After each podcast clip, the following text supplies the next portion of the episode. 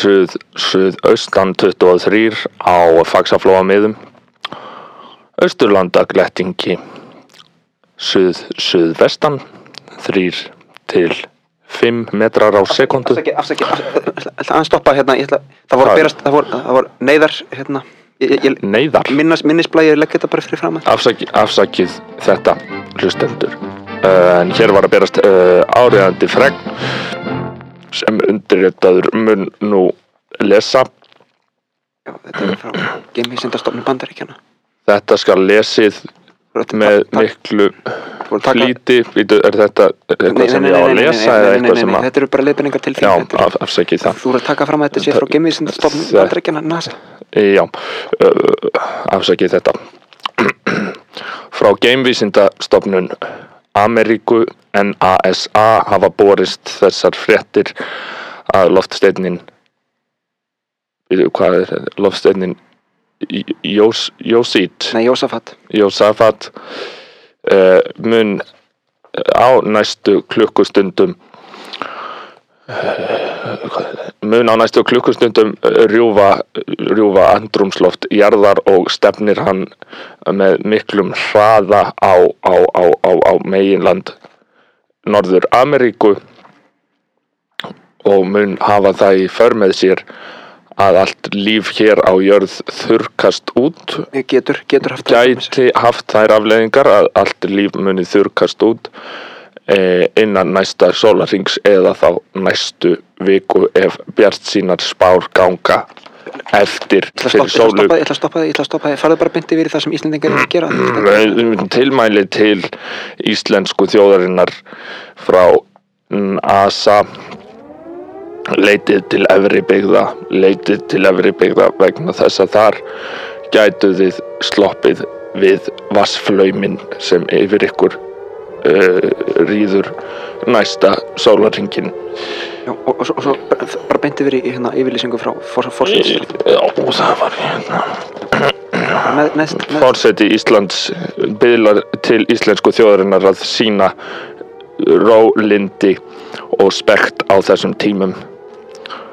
Að, að, að faðma að sér ykkar fólk. Hugsa til náungans og eigða gæða stundum þessar seinustu klukkustundir lífs á vorri jörð og vorri móður grund þess Óskar fórseti Íslands. Guð hjálpi okkur öllum.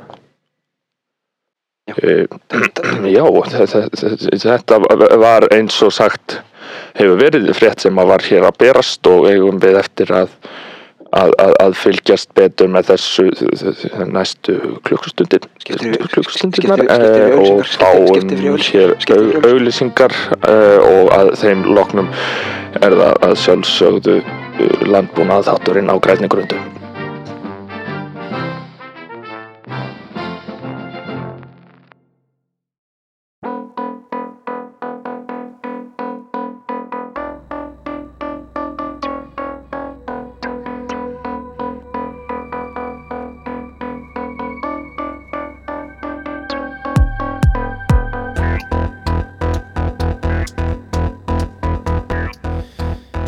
Gott fólk, verið velkomin í þátt nummer 23 af hlaðverpinu heimsendir. Hingað er komin enn og aftur góður gestur uh, í annað sinn og það er mikill heiður. Almar Blær Sigur Jónsson, leikari við þjóðleikhúsið uh, og góður vinnur. Verður velkomin. Yes, takk fyrir Sannur hefur að fá, fá kallið að koma aftur Já, hvað segir, hvað segir Kallinn Ka á Kallið þessum uh, dýrðardegi hérna uh, 30. desember 2021? Já, það er held ég fátt annað í stöðun en að- bara vera gátur sko. Það er svo fallegt veður og hérna, það er svo mikið kyrði yfir öllu og jólin hafa bara þau eru svona, ég er að melta þau og, og útkoman er góð sko. Og ennþá að melta jólamatinn líklega. Jú, hann er hann er ekki auðmeltur. En hérna jú, ég hef nú sloppið ágætlega frá sko svona mesta viðbjóðunum sko. Ég, ég fekk til dæmis það var nú bara frá Tokyo Sushi en það var besta sushi sem ég á æfinni fengið það var á þriðja í jólum sko. Mhm. þegar að hérna saltlausnin var svona orðin eh, hvað, hvað er það hérna, pH stíð PH, PH stíði var aðeins búið að hvað hækka eða? Já, ég myndi held að uh, pækillinn sko. Já,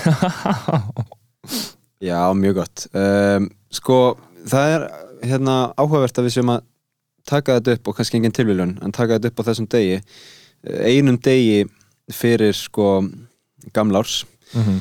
og morgun er síðasti dagur ársins 2021 og við hljótum nú flest að fagna því bara að einhverju leiti já, vissulega. Uh, Við getum kannski byrja aðeins á því svona stikla á stóru hérna uh, yfir árið eða svona allavega að skoða árið að einhverju leiti í hérna uh, svona því samhengja að, að við tekur árið 2022 sem ég hef kallað ár lovorðanna um, nú, byrju, hver, hver er útskýringin á því? Já, það er nú kannski bara svona ég sjálfur að, að óska mér þess uh, í, í, jóla uh, kraftverk að árið einhvern veginn verði sko, já hvað sem er að það muni meira ske í þessari baráttu við, við veiruna til dæmis, Mhm. að við munum kannski komast nær endinum held, heldur en hérna og þá, þá hlýtur það að byrja með sér að 2021 var ár brotina það Já, ár, ár sko vonbreiða Já, eða bara svona einhvers, einhvers konar status quo skiluru, það er svona mm já, já, smá stöðnun. Það er alveg hérna það er rétt sko. Það, ég menna við kusum aftur sömu ríkstjórn mm uh, það heldur bara áfram jarðskjaldar og eldgósið eða það reynda að byrja því fyrra. Já, já, en, og, og, og veiran bara uh, einhvern veginn held áfram, já þetta er allt svona það breytist ekki margt 2021. breytið ekki margt sko og, og hérna marga bólusetninga fundina hefur, hefur maður nú hérna sótt í lögadalshöllinni og hérna það verður örgulega sko gert manni að mörguleiti mjög gott en, en við vonum allavega að árið 2022 þá getum við farið að veifa annar hverju hendinni í, í átt að veirunni sko. Já, um, og líka bara allt með samfélagið sko. Einhvern veginn hvernig, hvernig við uh, fáum að sjá samfélagið rýsa upp uh, eftir heimsendi. Uh -huh. um, ég var alltaf búinn að sjá þetta fyrir mér að þetta myndi gerast á þessu ári 2021 að við myndum einhvern veginn vakna upp við uh, fagnaðar ópin og, og hérna lúðra sko hitin lúðra þitin og einhvern veginn að allt væri bara komið í, í gott lag Já. aftur á einum degi en, en svo var ekki raunin um, ég var, að, já, já, ég var svona að hérna uh, hugsa þetta og spjalla við Nilla vinn minn um þetta um daginn mitt sko. það væri alveg geggjað ef við það var náttúrulega ekki geggjað en það væri merkilegt ef að við værum komin upp í þúsunda smitamarkið á, á dag mm 31. sko. Sem gæti alveg gerst, ég meina það var 800 og eitthvað í gær, bara svona eins og og, og, og svo bara á nýja ári bara þrýr svona, eins og gerist í Japan, hún tortindi sjálfum sér, veiran. Já, er fór eitthvað ég þekki þannig reyndar ekki sjálfur uh, ólíkt sko, ólíkt mér en hérna, ég, það getur verið hún er bara svona hafi getið sig ofrætt í gegnum Já, og þau voru svo hissa á þau voru ekki, ekki að breyta neinu en allt í inn í Tókjó voru bara 44 smitt á dag á þess að það hafi nokkuð Já. gert sko. Ég veit allavega að einhver leiti að, að þau þau hafa tekið öðruvísi á þessu þetta eru meiri sko uh, hvað segir maður hérna, meðmæli að það er verið að mæ- mæla með hlutum frekar en Aha. einhvers konar tilmæli þetta er svona ríkistjórnin Japan skilst mér er meira að segja já við mælum nú með því að þið haldið ykkur heima og, og vinnið heima en við getum svo sem ekkert gert ef þið tækir lestina í vinnun það er það er þá bara ykkur, á, ykkur ábyrð og, það, hérna, og þá er allir bara einhvern veginn svolítið mikið að fara í vinnuna sko. Já, einmitt um, og, og á hérna, mannamót og, og samkomur og ég veit ekki hvað og hvað Já, ég held að sko Íslendingar þurfi þessi bóða bönn sko. Já og ég meina það hefur nú sínt sig að við erum búin að vera mjög duglega að taka við þeim og, og hérna, fylgja settum reglum og lögmálum í þessu. Já, að mörguleiti, mm. mikluleiti en það er nú ekki alveg kannski hérna, grunnurinn í því sem við erum að ræða í dag. Um, við erum aðeins meira að horfa upp, upp á við. Mm -hmm, við erum að stara á stjörnunar Vissulega. Eins og, eins og hérna Sapiens maðurinn hefur nú gert í sko árþúsundir. Jep. það eru loftsteinar um, það eru náttúru hamfærir Mm og svo reynum við að tengja þetta saman í náttúru leysi Mhm. ég, ég er rosalega spenntur að tala um það sko. Já, ég held að hérna ég held að það væri svolítið sko verður skemmtileg uh, hvað segir maður, svona skemmtileg binding til að hérna Taka þetta allt saman. held ég hvergi nærri neitt minni ógn við uh, lífsviðværi okkar heldur en loftsteinar eða náttúru hamfærir sko. Nei, nei, nei, einmitt. Það hérna, er gaman að minnst á það því að ég var að, sko, ég rakst á að hérna, Stephen Hawking heitinn, uh, þetta var eitt af því síðasta sem hann skrifaði í, í hérna, útgefna bók og það var það okkar stærsta ógn sé vissulega loftsteinn. Einmitt. Hvaða loftsteinn? Um, maður veit það ekki og sko loftsteinn er náttúrulega ekki bara loftsteinn. Þetta er hérna orð sem uh, heitir á ennsku annarkvort meteor eða Mhm. asteroid. Mm og það fer eftir stærð skilgreiningin á hérna hvoru það er. Uh, asteroid er stærra. Loftsteinn er sem sagt uh, einhvað fyrirbæri eða einhver, einhver hérna steinn utan úr geimnum sem er á tiltölulega þröngum spórbaug uh, samanborið við jörðina. Já, þar að segja uh, hann sko hann fer oftar fram hjá jörðinni mm heldur en til dæmis halastjarna. Já. Og, og, og er hann alltaf sjáanlegur þegar hann fer hjá? Nei, það er nefnilega málið sko. Um, og þetta kom mér á óvart. Ég held einhvern veginn að í, í marga ára tugi hefðum við uh, sko haft einhvern gagnagrunn yfir allar mögulegar ógnir hvort sem það eru halastjörnur eða loftsteinar mm -hmm. uh, að við, við værum búin, búin að sko uh, skrá þetta allt niður og værum bara jafnvel með um, einhverja, einhverja sjálfvirkni vætta tölvu, bara einhverja einhverja tölvu, einhverja, bara með forrit. GPS-blimp á, á öllum, Já, öllum þessum gæjum nákvæmlega sko Já, en, en svo er ekki, nei. Þetta eru mjög sko langflestum tilfellum er þetta mjög lítil styrni, þú veist. Um, kannski á stærð við eins og Jaris, bifrið Já, nákvæmlega. Um, sko, það er ákveðin skurðpunktur í 100 metra þvermálinu. Já, allt sem er undir 100 metra getur vissulega á miklum hraða verið mjög hættulegt. Já, já, já, almatur en þegar komin yfir 100 metra þá er fólk farið að gefa því aðeins meiri gaum. Já, já, já, af því að það er þá kannski uh, orðið mögulega ógn við allt líf. Já, yrði sá árekstur. Já, það getur verið sko allavega staðbundið uh, Mhm. staðbundin hérna og getur við sagt. Veistu hvað hann var stór sem að hérna, draf risaðalunar? Það veit ég og ég veit meiri segja hvernig maður ber hann fram. Chicxulub. Chicxulub. Chicxulub loftsteinnin sem rakst á jörðina fyrir 66 miljónum ára Já, á Yucatan skaga. Hvað er það? það er norðanverð sko Mið-Amerika eða sunnanvert Mexiko Já, og, já. og hérna uh, aðliggjandi svæði. Einn spurning, sko Pangaea og allt þetta. Mm. Var Mexiko bara Mexiko þegar risaðalunar voru? Vo- Vorum við komin í þetta form af, af, af kortinu eins og við þekkja það í dag? uh, Já, svo sem ágæti spurning sko, ég sjá um, Það er sko talað um að Pangea hafi verið uh, eitthvað sko, frá, að Pangea hafi verið eitthvað þeng Já. frá því fyrir 335 miljónum ára til fyrir 200 miljónum ára. Ok, og síðan er það þá 134 árum miljónum ára eh, sem sagt, ok. Síðan líða 134 miljónir ára. Og þá kemur loftið. Og þá kemur loftsteinnin Ok, þannig ég gerir ráð fyrir að við höfum verið komin einhverju leiti í núverandi mynd sko. ok.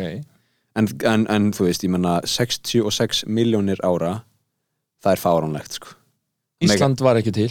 Nei, nei, nei, ég menna ég veit ekki, sko, Ísland er mjög ungt uh, þú veist, jarðfræðilega séð. Já,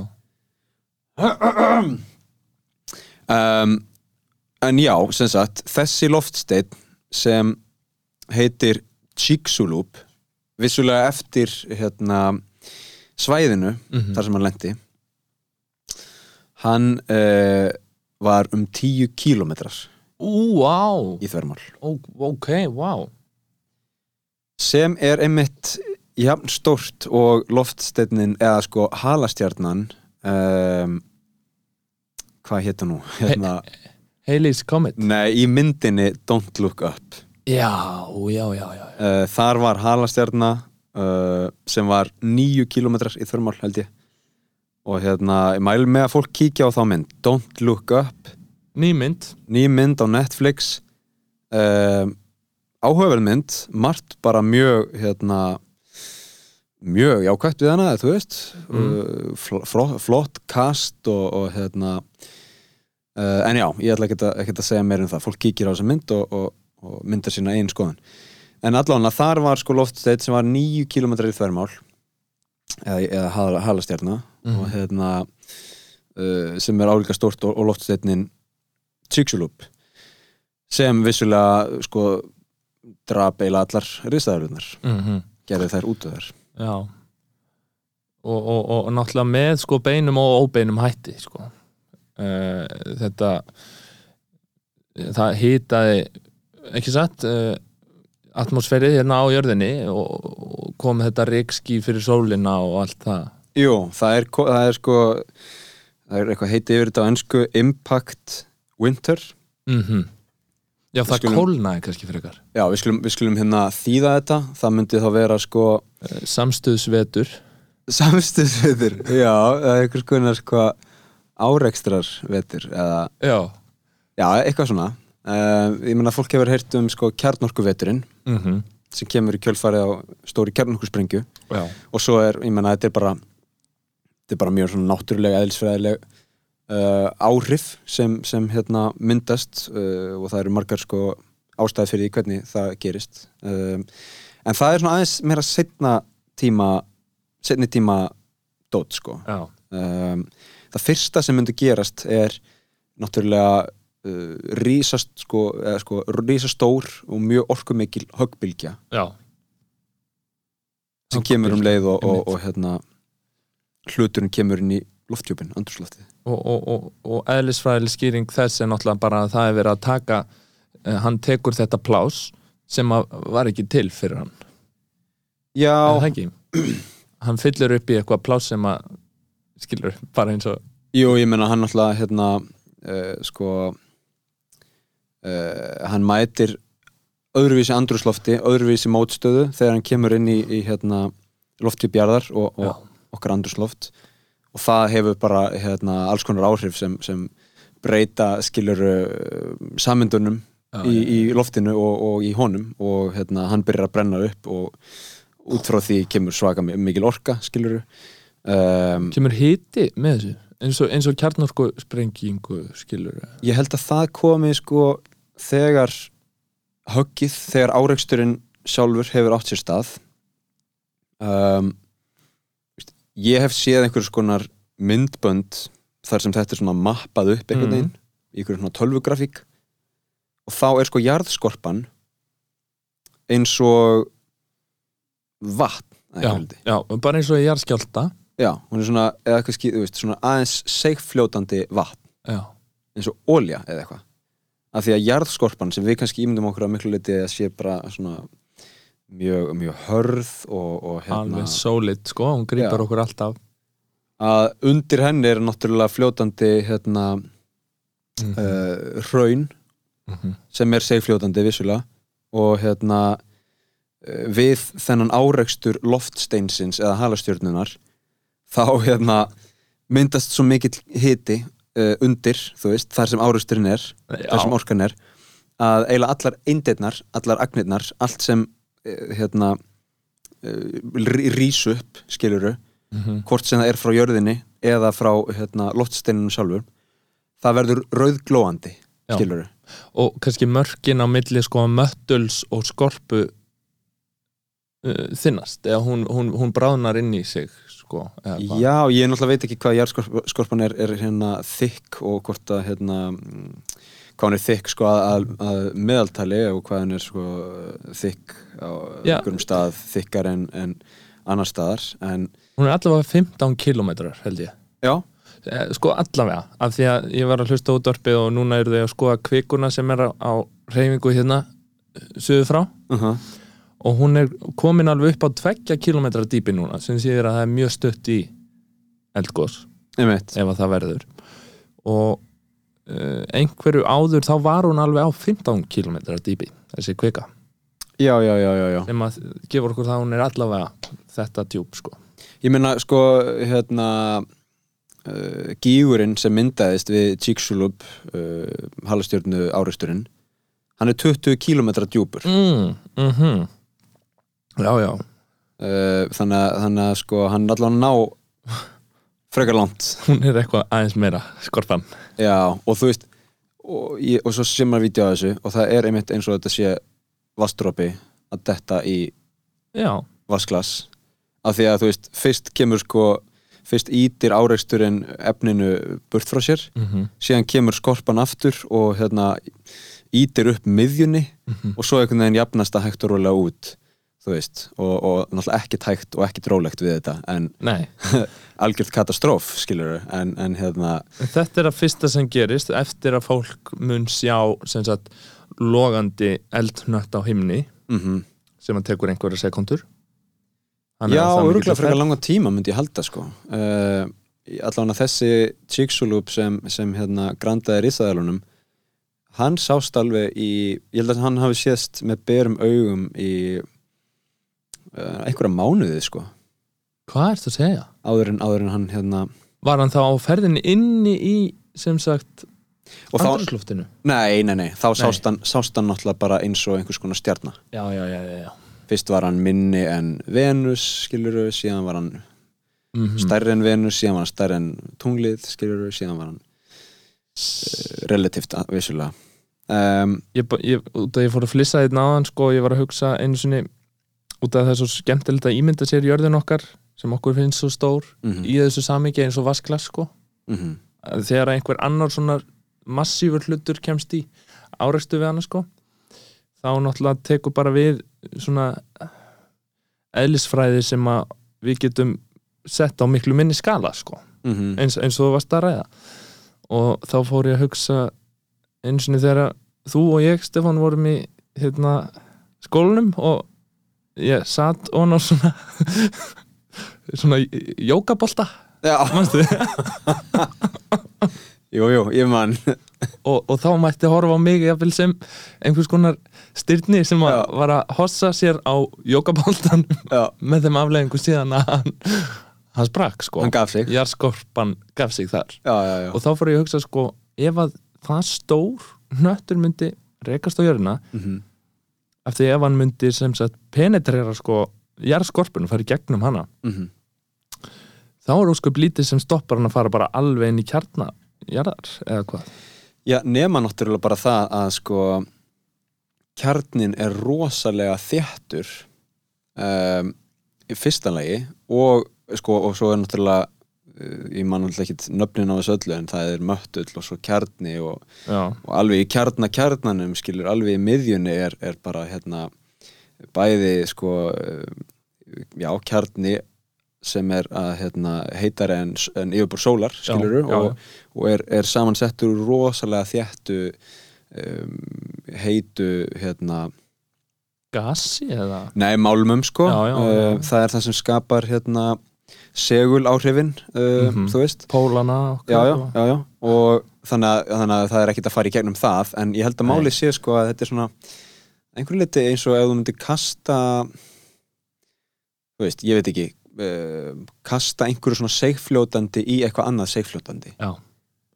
af því, því að það er bara skorpan sem er Mhm. uh, svona, svona uh, brotætt þú veist allt hitt er bara þjætt heit leðja. Já. um, þetta er svona eiginlega eins og að kasta heitum leir. Já, þannig að hann myndi aldrei brotna einhvern veginn. Nei mitt það er ekki, það er ekki hérna hann veitir viðnám sko. Já, en, en, en, alveg sko þú veist svo fer þetta eftir hversu stórt uh, sko styrnið er, hversu stór loftsteinnin eða halastjarnan er. Já, ég meina þetta er náttúrulega hérna, það sem gerist með tunglið okkar. Já, já. Þa, það var nú heldur betur árekstur. Já, já, árekstur tveggja jafn stóra uh, reikistjarna sem skapaði tunglið. Emitt og jörðina þar leiðandi. Mm það er hérna já, það er einmitt talað um að jörðin hafi reykist á, eða önnur pláneta hafi reykist á jörðinas og, og þessi hi- hinn plánetan, hún var á stærð við Mars. Um, og síðan erum við sko að tala um bara að hérna áreksturinn valdi því að, að hluti úr báðum plánetum þeitist út í geim mm og síðan er svona uh, þingdarafls keðjuverkun Einmitt. stærsti hlutin úr áreistrinum veiðir til sín hluta og verður þá ennþá stærri sem veiðir til sín fleiri hluta sem verður þá Mhm. ennþá stærri og ástæðan fyrir því að þeir geta hérna, komið saman þessir hlutar og, og hérna, myndað veist, þétta eh, þétt tungl já, litla plánetu er út af þingdaraflinu og út af því að, á þessum tíma eh, þessum tímapunkti er þetta náttúrulega ekki orðið hérna, stökt Nei. eh, og brotætt eins og, eins og þetta er rauðglóðandi já, ég meina þetta er bara heitur leir skilur, þetta Já. er bara hraun þetta er bara hérna mjög seigfljótandi einmitt, efni Ímyndaði þér sko bara, hvernig allir himinin hafi litið út þennan dag sem að þessar plánutur rákust á, skilur þá, Pæ, já, pældu í því að sjá bara hérna uh, sjá nött sem verður stærri og stærri og stærri og bara þekur síðan allan heiminin og svo bara búm. Einmitt. Ótrúlegt. Svakaleg leið til að fara einhvern veginn. Já, alveg episk leið og þess vegna svona valdi ég þetta að þetta er svo leið sem ég myndi kjósa að fara sko. já, já, já, í, í öllum þessum heimsenda einmitt að hérna að það seinasta sem ég sé er eitthvað stórfenglegt Já, þá held ég sko að einmitt svona halastjarna gæti líka verið uh, mjög öflugt. Mhm. Ég held einhvern veginn, ég veit ekkert hvað þessi pláneta sem rakst á jörðina og, myndaði tunglið uh, var á mikill ferð sko. Nei, Það hefur verið mjög mikil ferð vissulega, en ég held að ha halastjörnunar séu uh, svona með þeim hraðari. Uh, þegar að þessu kemur. Þær eru með sporbögg sem eru miklu uh, ívalari. Já, þeir eru ílangir svona. Já, og það er alveg þeitast á milli A og B. Já, já, já, og þú veist, þær eru bara þær eru í, sko, út í aðri sólkerfisins einmitt. og svo koma þær til jarðar. Já. og svo fara þær aftur í, hérna, út í aður sólkerfisins Mhm. og síðan skilur í 100.000 árum síðar koma þær aftur, skilur, þetta er bara eitthvað svona. Já, bara að ég mista af henni býtu í 100.000 ár.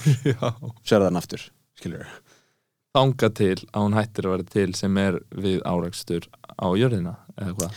Uh, lí, sko tölfræðin myndi segja okkur að hérna, hún ætti uh, miklu meiri líkur uh, hærri líkur á því að reykast á Júpiter heldur en jörðina nokkur tíman Já, sem að er notabenni okkar svona stóri bróðir eða svona lífvörður okkar gagvart þessu öllu saman. Algjörlega. Uh, svona aðeins minna hvað segir maður? Uh, aðeins verra nafn á Júpiter hefur verið ríksuga sólkerfisins. Það er svona ekki ver, verndar engill eða, eða sko, stóri bróðir eða stóra systir eða þú veist eh, móðirinn Já, það er einhvern veginn svona það er svolítið flottara sko það er flottara sko en ríksugan er einhvern veginn en ég menna gegnir mjög mikilvægur hlutverki. Já, gasrisin Júpiter einmitt. Og hann heldur sem sagt þessu smástyrna belti sem er á milli Júpiters og Mars mm e, á sínum stað sem er í rauninni bara hvað eru margar reikistjörnum? Það eru átta? Já, er ekki, frekar en nýju, er ekki búið að gefa það upp á Plútó var sparkað Já, þannig að og þetta belti er í rauninni alveg ein eining til viðbótar við allar stjörnundar sko. það er Já. svo uh, svona íbyrðamikið uh, belti bara við allt skilur allt er þetta kerfi uh, við tölum um okkar sólkerfi og, og hérna, það er á einhverjum stað uh, tiltölulega nálagt kjarna okkar vetrabrautar Mhm. held ég mm -hmm. um, sem er vissulega stjörnu þoka og svo eru þú veist óteljandi margar stjörnu þokur í já. og maður náttúrulega maður fæði svona illt í ennið við að hugsa svo langt út fyrir okkar heimaplániðu já. en um, þetta er allt einhver kerfi og þú veist, á sama hátt er þetta ímynda sér hérna uh, uppröðun og sólkerfisins sem, sem kerfi og þetta smá, smá uh, styrna belti uh, milli Mars og Júpiter og svo erum við með uh, einhver sko ský af smástirnum og halastjörnum í út í aðri vetrar, nei Mhm. hérna sólkerfisins Mhm. uh, sem eru líka að koma, koma inn og, og hérna, valda okkur áhyggjum þanga til að Júpiter tekur mótið þeim og, og hérna kjálsar á þeim já, já, tekur þetta bara kassan, já. um, og það er líka þetta er eitt sem sem, sem hérna ítir undir ákveðna kenningu sem heitir sko hinn sjaldgæfa jörð Mm sem er í raun bara uh, ekki, ekki aðeins þurfti jörðin að vera svona langt frá sólinni sem þurfti að vera svona gömul, svona Já. björt svona heit og svona stór uh, og jörðin þurfti að þú veist um, ég, það er bara svo margt, það er svo margar breytur sem þurfti að vera hárréttar. Hún þurfti Júpiter og, og tunglið og allt þetta sko. Algjörlega fyrir líf eins og það er hjá okkur uh, Absolutt, og svo finnst mér svo sérmæður þetta pæling, ég talaði um aðeins um þetta þegar ég kom seinast sko, og það voru að tala um þessi kerfi eru öll identikal sko. Mm og alveg niður á bara mikró-mikró skala bara atóm og, og, og hérna, þetta er í rauninni líka uh, kerfi og, og, og, og ör, ör styrni sem að snúast í kringu hvort annað sko Mhm. og, og, og hérna, bara í kaffibóllanaðinum eru þau alveg á fullu bara sólkerfi af, af hérna, endum Ég meina að mörguleiti er lótukerfið um, einhvers sko stærsta já, en kannski ekki uppfinning en, en þú veist, það er það er tildulega einföld leið til að um, raða upp þeim byggingareiningum sem byggja allt Mhm. í heiminum, mm. skilur um, svo eru sko svo er hendar heiminum flóknar en svo. Ég meina, svo eru við líka með hérna hulduefni og, og um, alls konar orku uh, geislun og, og hérna annað slíkt sem við kannski sjáum ekki jafn mikið af í okkar daglega lífi. Nei. En allan þessar grunnbyggingareiningar mynda okkur mm hlutina í kringum okkur þú veist um, þetta kemur allt upp úr söm, sömu súpunni einhvern veginn Já, og svo líka bara eru við manneskjur líka plánendur sko. Já. snúumst í kringu hvora aðra og nálgumst og fjarlægjumst og við þurfum þessi skiliri til að vera til mm -hmm. og þurfum okkar sól og tungl og, og, og, hérna allt þar á milli sko. já, já, þetta, þetta eru skemmtilega pælingar en ég sá stjórnurrabi hér já. Já, held ég sko kannski var það flugöldi en ég held að þetta hafi verið eh, við vorum að gera helliseðina ég og Bjartæk kærasta mín og sáum stjórnurhöpp einmitt. og, og, og ég alltaf, ég glest mjög mikið við að sjá það að þeim manni finnst þetta svo uh, tilkomum mikið sko Mhm. en að pæli því, þeir stjórnurhöpp sem við erum að sjá eru sko eh, kannski styrni vissulega, en Mhm. á stærð við mestalegi nefa sko. Já, já. Þetta eru bara sandkott sko. mjög lítið sko. Það er bara hérna hraðinn og einhverju lítið þjættleikin sem mm -hmm. gerir, gerir þetta svona flottu sjónaspili um, en svo náttúrulega var fyrir nokkrum árum eh, eitthvað sem vakti aðtegli út um allan heim. Tjeljabinsk Bittu nú við. Tjeljabinsk Tjeljabingsk, var það í Rúslandi? Já, 2013 held ég að lögregla þá var um, loftsteinn sem brann upp í hérna uh, andrúsloftinu fyrir ofan Rússland. Ég veit nú ekkert hvar Tjeljabinsk er. Uh, ég, myndi, ég myndi gíska að það væri kannski einhver staðar fyrir miðju. Mm, Sýberíu Já. Og það hérna það var allir miklum uh, sko skaða. Uh, einhverju slösuðust nú. Einmitt. Hann Já. sprakk upp í, í sko smærri. Var það ekki, eitthvað svoleiðis? Og það snjóaði yfir þau svona. Jú, jú, algjörlega. Ég meina hann, hann hérna, sprakk upp held ég í uh, 50 km hæð eða eitthvað svona. Uss. en þá var hann búinn að hérna uh, lýsa upp allan heiminin Já, og þetta er skal ég þér og ykkur segja sko loftsteinn sem var um, 20 metrar í þörmál já. Ég held að ég fari mér rétt mál þar.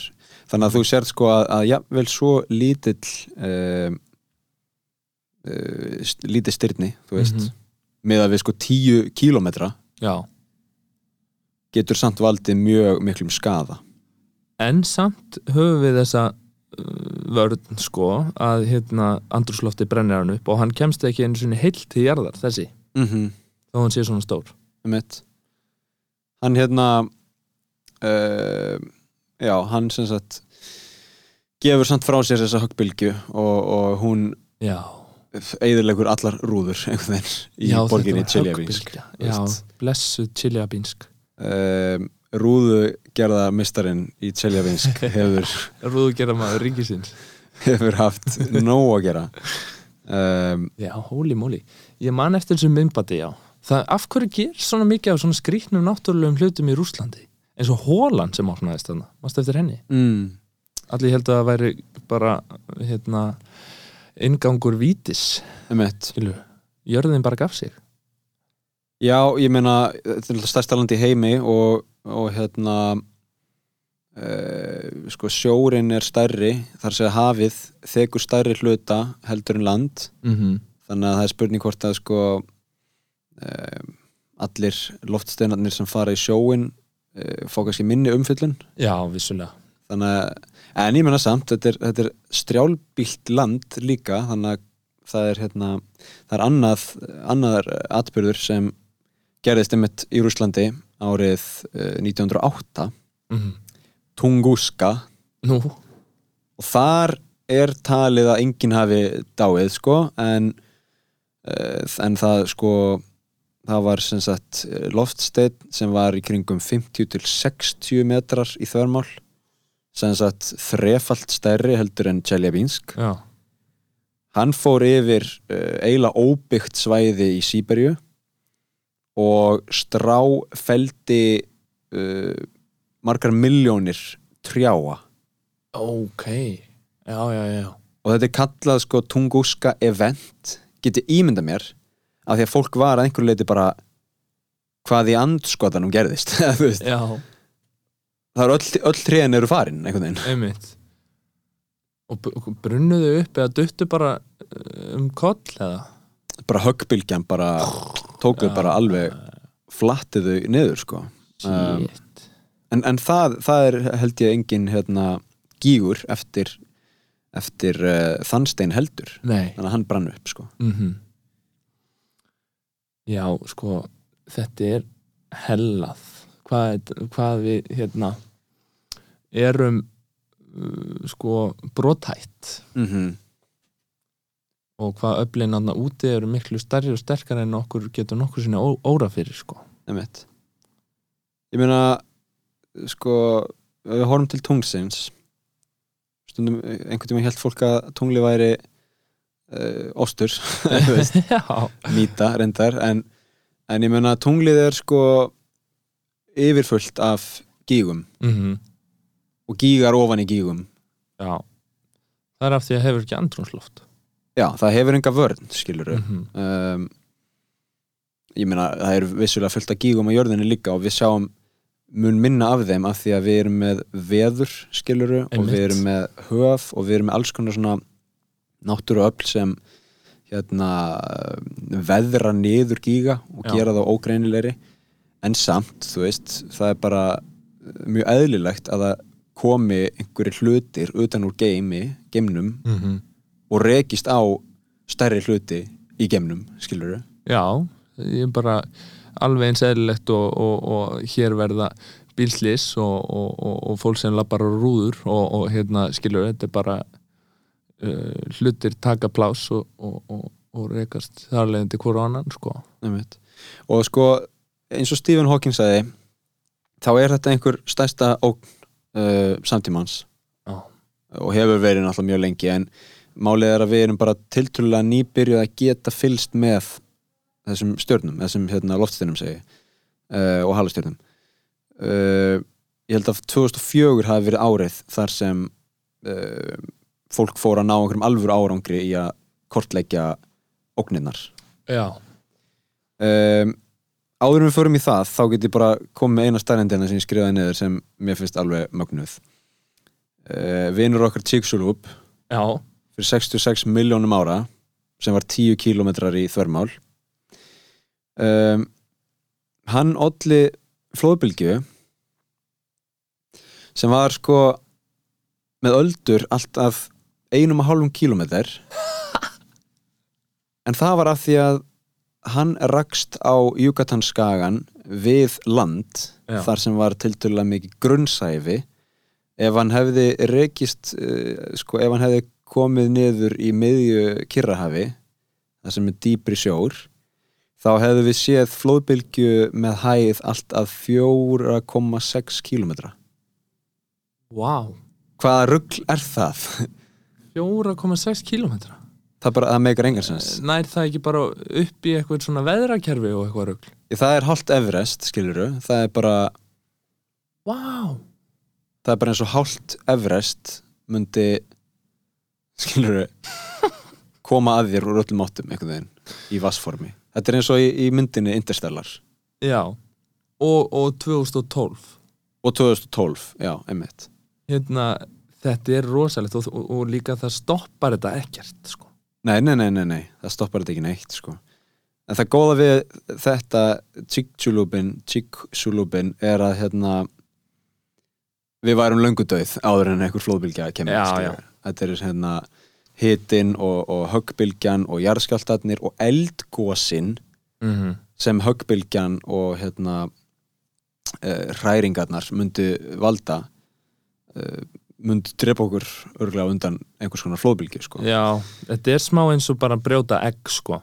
já, já, já. að, hérna, að fá svona mikið impact sko. einmitt já, já, já bara allt innvolsi fer bara í rugl sko. Já, það fer allt í kleinu um, Það er einn loftsteinn sem samsæriskenningafólk hefur gaman að því að pæli. Já, Hann heitir Apophis. Apophis? Hvað merkir það? Ég veit það ekki, ég get ímyndið mér að segja eitthvað eitthvað gríst eða latnest eða eitthvað svona. Það minnir á svona apocalypse sko. Já, já, já, já, Apophis. Það verið einhver, einhver svona engill eða eitthvað Hann er tiltölulega stór loftsteinn 370 metrar í þvermál. Já, ekkert nálægt í að vera 10 kílómetrar eins og mitt en mun stærri hann er til dæmis hérna, um, um hvað sjösunum stærri heldur en hérna uh, gæinn sem flatti 80 miljón tré Já, í þú veist, og skóræktar bændur í Rúslandi eru ennþá á bölvónum sko. hérna Tonganska nei, ég man og ekki hvað ganska En hérna, e, það var allan að tala um að hann myndi rekast á jörðina árið 2029 Já, já, um, þegar mælingar voru enn frumstæðar. Ok. Og, og hérna, nákvæmnin var eitthvað svona plus mínus þúsund kilometrar eða eitthvað skilur Já, já, um, Núna erum við kom, komin með miklu betri mælingar.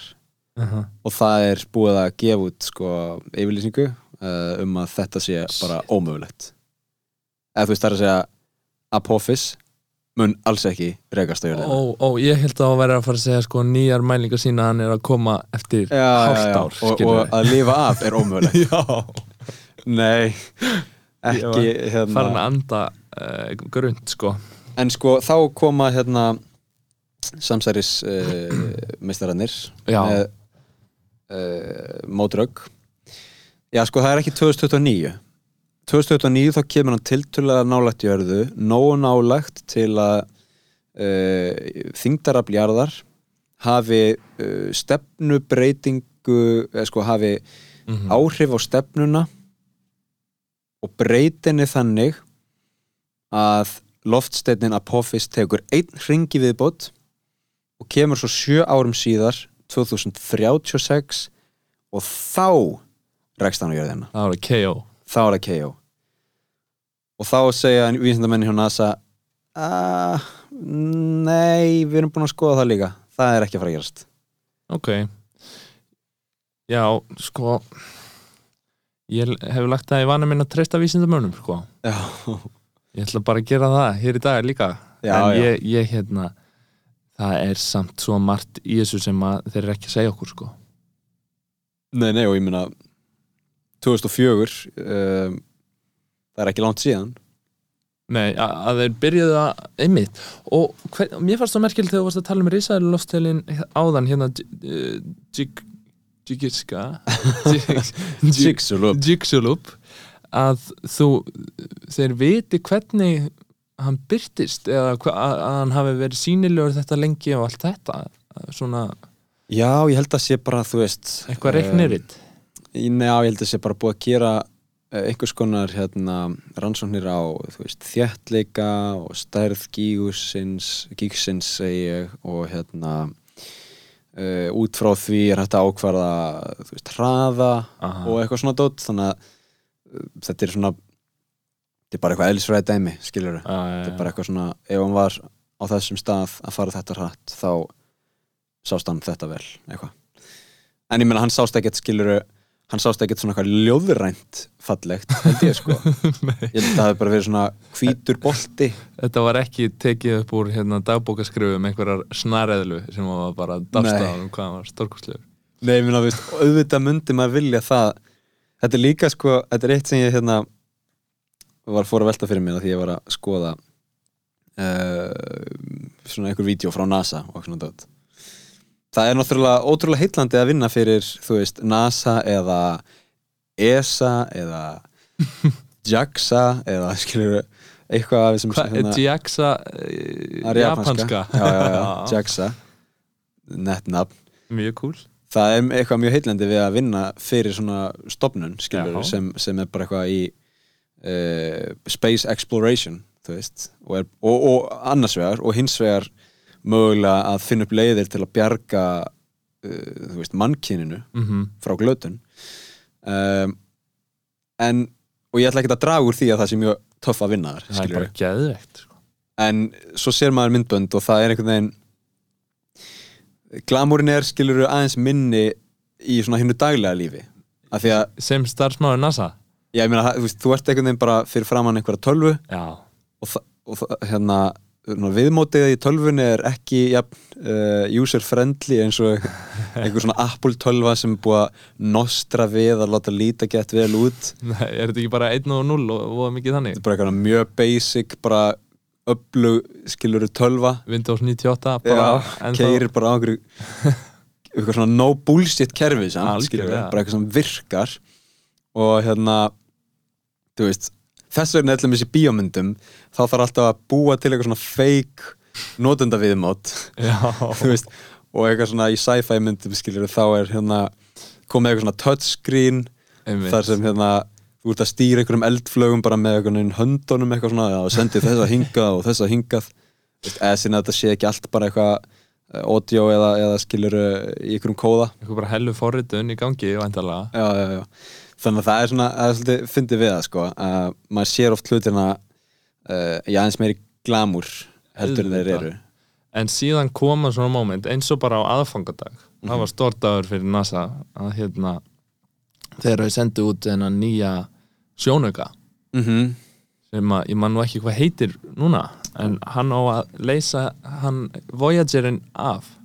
Emmett, það er James Webb. James Webb sjónauki.is að hérna og hann er svona út í game núna.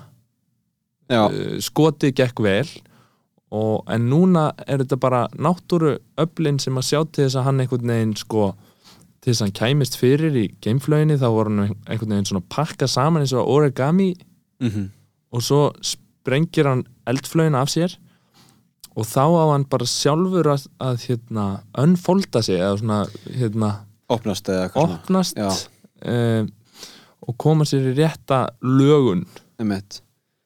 Þetta er rosa sko Þetta er rosa ég get ímyndað mér allan að, að þú þurfur einhverju leiti að svona tefla burt einhverju egói og, og hérna gerast algjör svona teimis uh, meðlumur já, í svona vinnu. Af því að þú veist, þitt verkefni getur bara verið að þú veist uh, ég veit ekki, skilur bara hann eitthvað brota brot.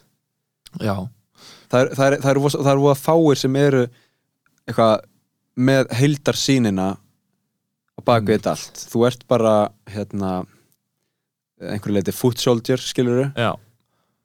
Hluta teimi og bara verður að, að hérna, leggja nótt við dag við að hanna þennan hérna hurðar hún Já. eða skilur eitthvað eitt bara pínlítið til að heldar gangverkið fungari sko. Algjörlega. Nema möskarinn.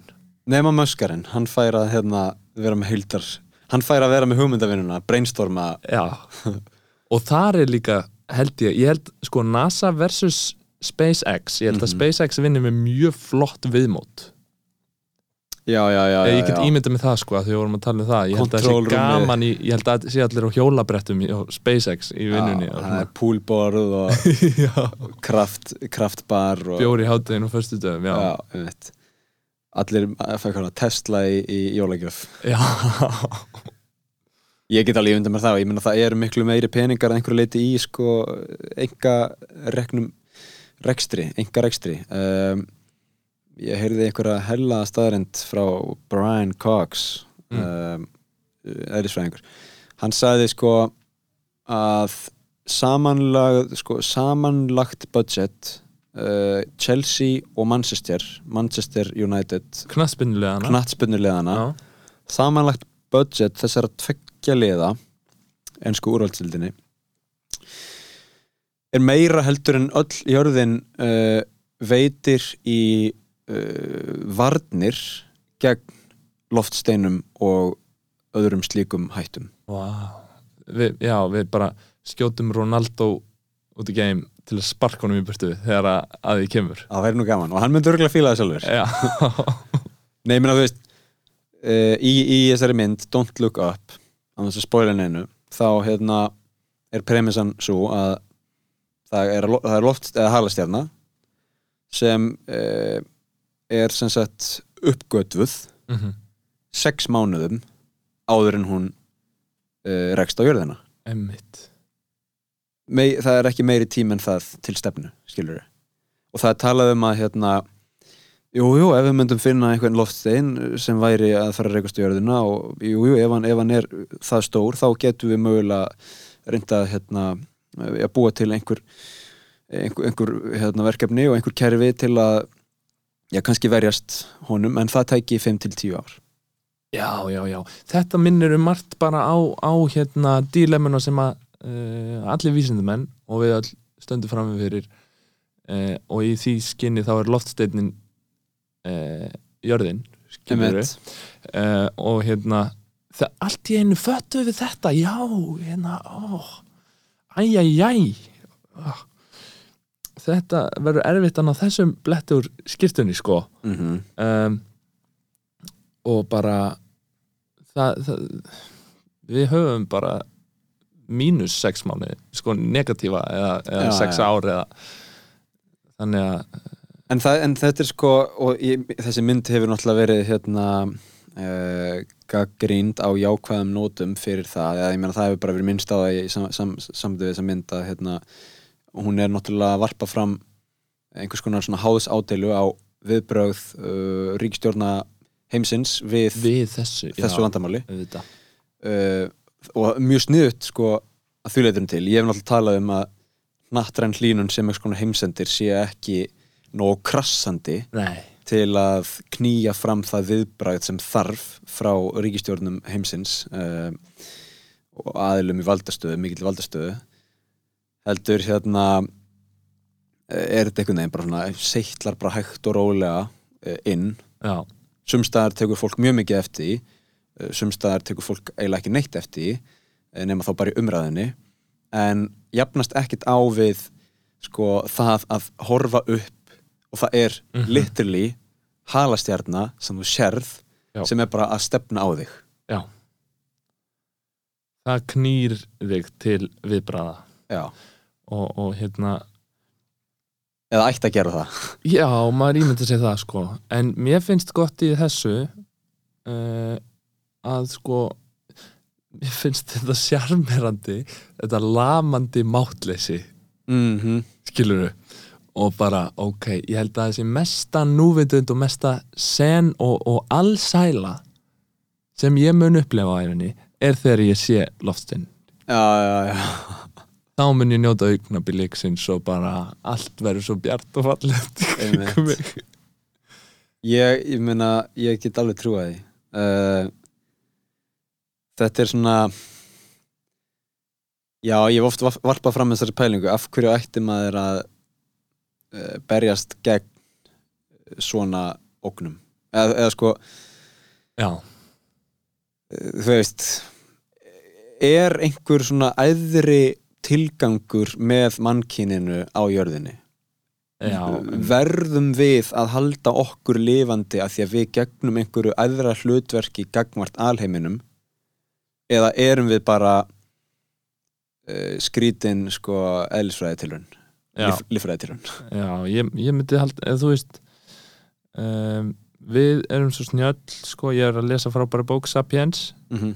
og það sem að kemur svo skemmtileg punktur við höfum ekkert þróast uh, svona á darvinískan máta síðan við vorum bara steinaldaf fólk sko Mhm. bara tíminn er of stuttur síðan að við höfum eitthvað líffræðilega þróast jú, jú, það segir einhver er að, að hérna, þumlarnir okkar sé að vera stærri út af snjálfsímum eða eitthvað, það er bara bull sko. sko það er böll það tekur meiri tíma en 10-15 ár. En ég menna þú veist við höfum verið hérna í 50.000 ár og við höfum þróast eitthvað smáskilur en, en, en ég skil hvað áttu við. Við erum ekki hérna en það sem að koma okkur hingað er sko ímyndunarafl. Mm það kom í staðin fyrir það að við þyrftum að þróast það að við gætum sko og, og með ímyndunar, krafti ímyndunaraflsins þá uh, fengum við þann uh, hérna mátt að geta komið saman undir sama flaggi meira en kannski einn træp sem að telur tíu manns Mhm. heldur bara þúsundi manna undir einum guði eða undir, undir því ímyndaða uh, konsepti sem er uh, mannréttindi -hmm. til dæmis Mhm. eða íslensk þjóð eða, og allt þetta sko trúabröð og allt það þannig að það er svona mér finnst það svo sérmærið hugsun að ímyndunaraflið hafi tekið eh, orðið sko líffræðilegri þróun yfir sterkara í raun sko. hún er bara skilvirkari. Já, miklu skilur ég meina hitt tekur bara mörg hundru þúsund uh, ef ekki miljónir ára skilur, eða þú veist. Já. það er hérna það er leið sem virkar en hún tekur bara alltaf langa tíma. Já, fyrir okkur. Fyrir okkur sem erum svo fljóta aðlagast og, og hérna breyta og við erum svo þyrst í alls konar skilur við erum svo þyrst í hérna uh, þekkingu og, og hérna ran, rannsóknir og, og mm. skoða áður óþekkt svæði og allt þetta og þess vegna sko af því að þegar að mannkyninu er stilt uppi á móti einhverju vandamáli þá höfum við alltaf hugsað, já, heyrðu, við finnum le lausn á þessu, leiða uh, framhjá þessu, uh, við látum okkur detta eitthvað í hug uh, en að ímynda sér að horfa, horfast í augu við hennan loftstein, þú veist þá, ég held að það myndi slá öll vopnur höndum um okkar og þá væri besta leiðin að segja it's been a one hell of a ride mm -hmm. bara takk fyrir okkur og, og hérna spila uh, hærra minn gutt til þín sko eins og þeir gera í Titanic. Skilur, bara þakka fyrir okkur pent. Já, já, já. Ég er náttúrulega uh, veit að það yrði ekki málið sko. Nei, um, nema þá kannski einhvern veginn á svona síðustu metrunum þegar uh, ymsir hafa reynt ýmislegt og öllum hefur mistekist einhvern veginn. Um, við, við erum einhvern veginn heimspekilegir í sko, því að varpa fram pælingum. Þurfum við að lifa af, þú veist, höfum við aðri tilgang eitthvað svona dót mannkynið sem einhvers konar eining sem hún kannski er ekki en mannkynið sem heild mundi alltaf sko slást og já, berjast og gera allt sem það gæti til að lifa af. Guðis er lof skilur Já, við, að hérna það er bara innprentað í okkur að, að gera það og hérna that's why we're here sko. En sko að því að við erum að tala um þessar um, ógnir og, og möguleg, mö- mögulega sko, mótstöðu mm mögulegar varnir Já, þá var verkefni sem held ég að hafi farið í loftið í fyrra eða fyrir tveimur árum hjá NASA sem heitir DART Double Asteroid Reflection uh, Technique held ég. Ó, og hérna uh, það er sem sagt sko verkefni sem snýra því að skjóta uh, sem sagt game, gamefæri eða skjóta hérna jú, einhvers konar gamefæri uh, í átt að svona tveggja loftsteina systemi. Það er einhvers konar móður loftstein já, og svo svona lítið loftsteina tungl ok. sem gengur á sporbaug um móður loftsteinin og ég held að þetta litla tungl sé kannski eh, 100 metrar eða eitthvað í Ok. þvermál pælingin er hvort að við getum notað lítið geimfar klest því á loftsteina tunglið Já, og breytt þannig stefnu þess sporbauði þess um móður loftsteinin já, já, já, já, já. Mm og pælingin er sko að ef þetta virkar ef þetta gengur upp og spórböðurinn breytist þá erum við allavega að koma með proof of concept að það er hægt að breyta stefnu einhvers styrnis með hreyfi orku bara Já, rillulega með því að klessa á það. Já og, og hérna, það væri alveg ekki að gera þetta og svo bara, ó nei nú stefnir hún okkur. Einmitt. Það var einmitt pæling sko þetta er svo gott kerfi af því að sama, eða, þú veist, eða sama hvað þú gerir við litla tunglið mm að þá mun það bara halda áfram um, á sporbaug um Já, stóra og tunglið. stóri mun ekki kannski breyta sínum það hefur engar, það hefur engan, hérna, engin áhrif á stóra Nei, ok, gaurinn sko. þannig að þetta er svona mjög skemmtileg tilraun Mhm. og, og kemur í ljóðsörglega núna næsta ári hvort að þetta hafi gengið upp ef þetta gengur upp þá er allan að koma eins og segi proof of concept að það er hægt að gera eitthvað svona mm -hmm. En þetta gerir ráð fyrir því að við sko uh, greinum hættuna mörgum árum allavega, þú veist að jú, ég myndi, ég myndi giska á mörgum árum áður en við komum til hætta, við komum til ógn, er komin til jarðar. Að því því lengra í burtu sem hérna uh, ógnin er því minna nudge, því minna skilur því minni stefnubreiting Þar til, þar til að hérna myndum við ekki bara njúka þetta? já, Eigum við ekki nóg af, jú, af, af, af svoleiðis efni til að bara og það er bara gamlás bara, hérna því líkar bombur einhvers staðar í það er allavega svona draumur örgulega sko ímissa svona uh, hvað segir maður? Einhverja svona þú veist já það er bara skilur til einhver típa af fólki sem bara elskar uh, þessa lausn einhvern veginn bara njúkitt nuke it og hérna þetta er svona einhver, einhver general four star general. Í hérna í war room skilur í neyðarherberginu við hlýðan á fórsetanum bara eitthvað. Þetta, þetta kom í þáttum sem ég horfði á svona ég horfði svolítið uh, óvænt á það um daginn sem þetta Space Force. Já, já, já, já, með Steve Carell ummitt, ummitt og hérna hann var svona fyrirverandi Air Force militant sem að fekk síðan þessa í rauninni stöðu hækkun en allir lítið á þessum stöðu lækkun að hérna taka við Air, nei, hérna Space Force. Já, og þar var hann- einmitt, hans lausn á öllum vandamálum var bara can we bomb it? uh, no, we cannot. Can we try? Uh, yeah, I guess we could try but...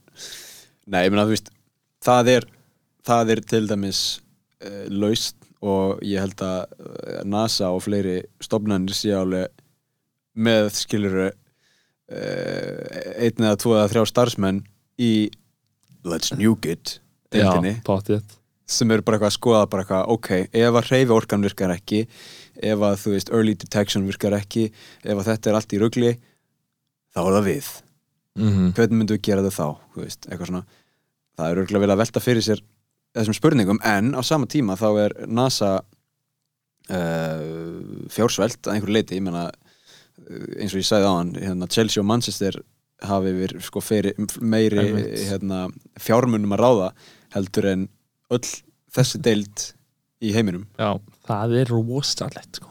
að ruggla og þá, ég meina þá bara eitthvað hörðu við fundum hérna halastjórnu hún verður komin eftir tvo mánuði. Er við, höfum, bara, það, við getum ekki gert neitt. Já. og þá hérna horfum við allir á Chelsea og Manchester. Really? you guys, really? já. Já, það er náttúrulega bull hvað er mikil peningur í því sko. En eru samt bandaríkin ekki þeir væntarlega setja meira í her hernaðin sinn heldur en til dæmis þetta? Myndi ég halda er ekki aðal svona kostnaða liðurinn í, í bandaríska efnahagnum að, að setja peninga í herin Jú, uh, það er allan mjög stór hérna uh, kostnæðilegur og mjög óhagganlegur. Já.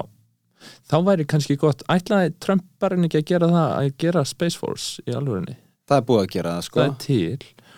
Og, og svona öllu gamli sleftu þá held ég að það verði vettvangur uh, stríðanna sem verða háð í kringum árið 2050 já, e, já, potið bara sko uh, núna er hérna, já þetta er líka starrend sem kom fram í, í sko held ég síðast eða þar síðast hætti að hérna á tímum kaldastriðisins þá var verið að skjóta upp uh, alls konar gemferðum Já. og hérna satellites, gerfinhettum mm og þá var verið að tala um eitthvað svona já, við erum bara að gera þetta því að við erum eitthvað í, í keppni við Sovjetríkin veist, eða Bandaríkin, skilur og við erum bara eitthvað space exploration við erum bara að skoða við erum bara að rannsaka við erum bara að senda mann til tunglsins því að tunglið er svo mikilvægt -hmm. nei, nei, nei, nei, nei það er bara verið að skjóta upp gerfinhættum til að búa til Global Positioning System, GPS Mm -hmm. og svo getur fylgst með hérna reyfingum á herabla og uh, kjarnorku launch sites, skilur já, bækistöðum. mm -hmm. Þannig að út frá því kemur allavega miklu leiti þetta space race og núna erum við með hérna uh, þjóðir sem eiga fullt af gerfunhöttum og eru með kerfi sem gerir þeim kleft að sjá hvert sem er á jörðinni já, hvað ef þessi kerfi gætu líka skotið hvert sem já, er shit sko.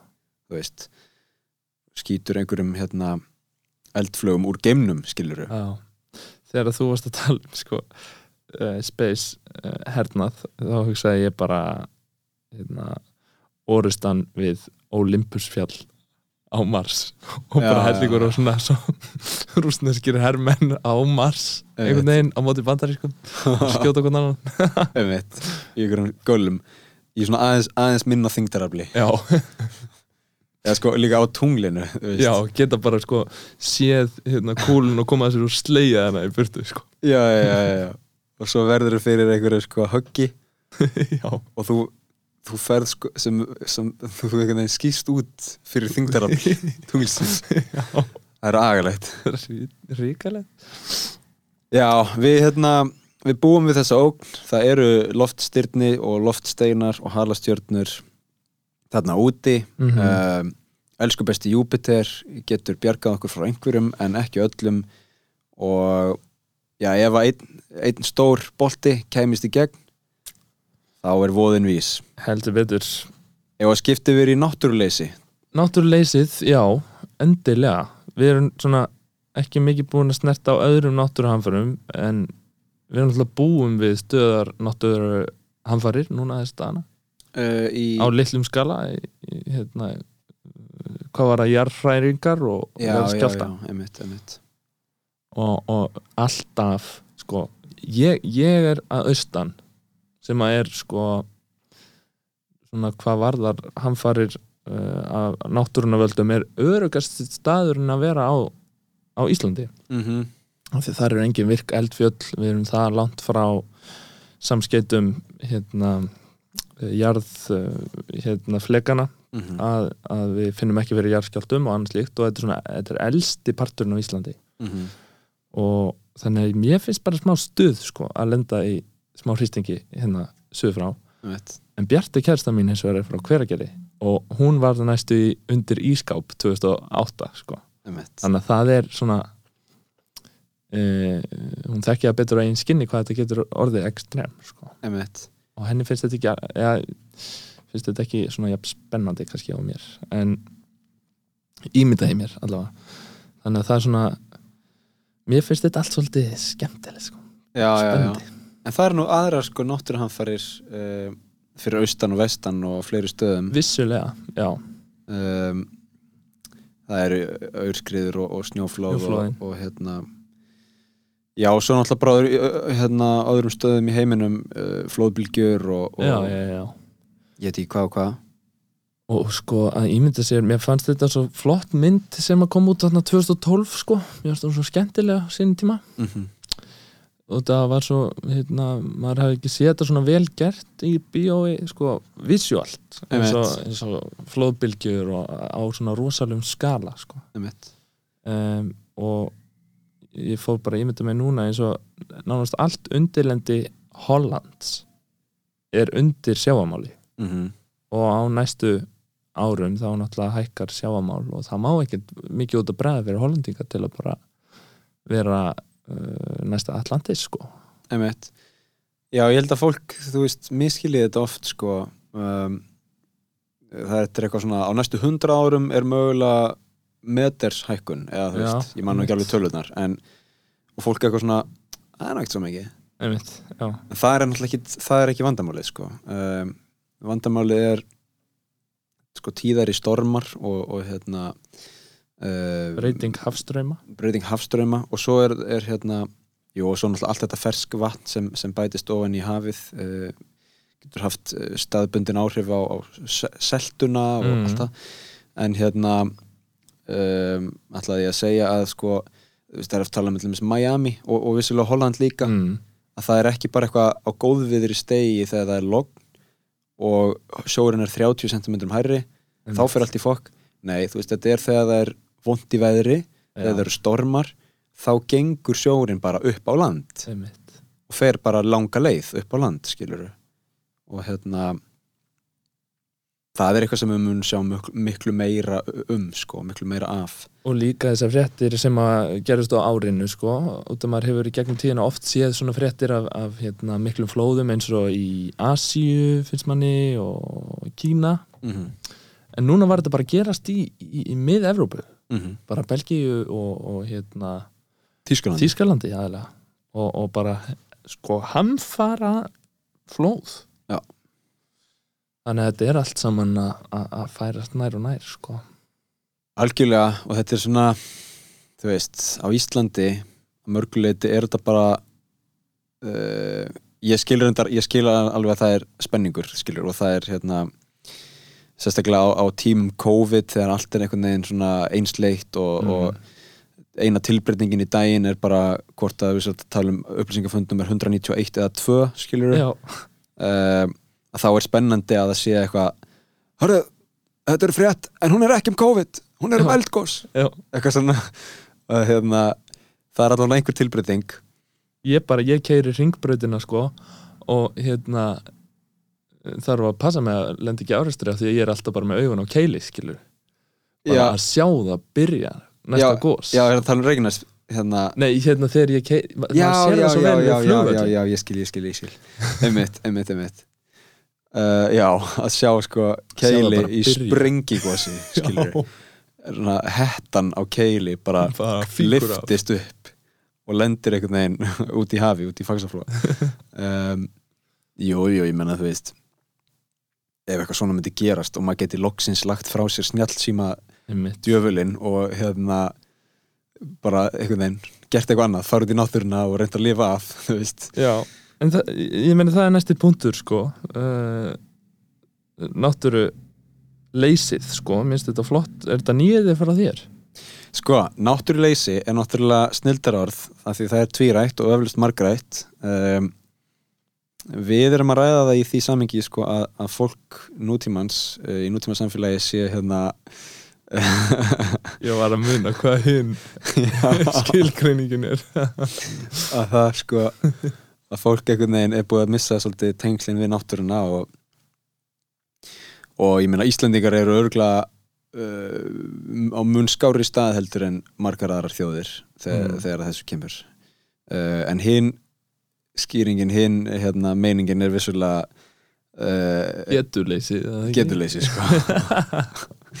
Sem er ekkit aðláttsefni nei, nei, nei, og, og, og ekki síður sko, heimsendir uh, þegar sko á, á, þannig er á það litið. Nei, Eh, það er að segja til, bíómynd sem hérna fer kannski svolítið langt með þessa pælingu en, en Children of Men uh, fjallar um náttúrulausan heim.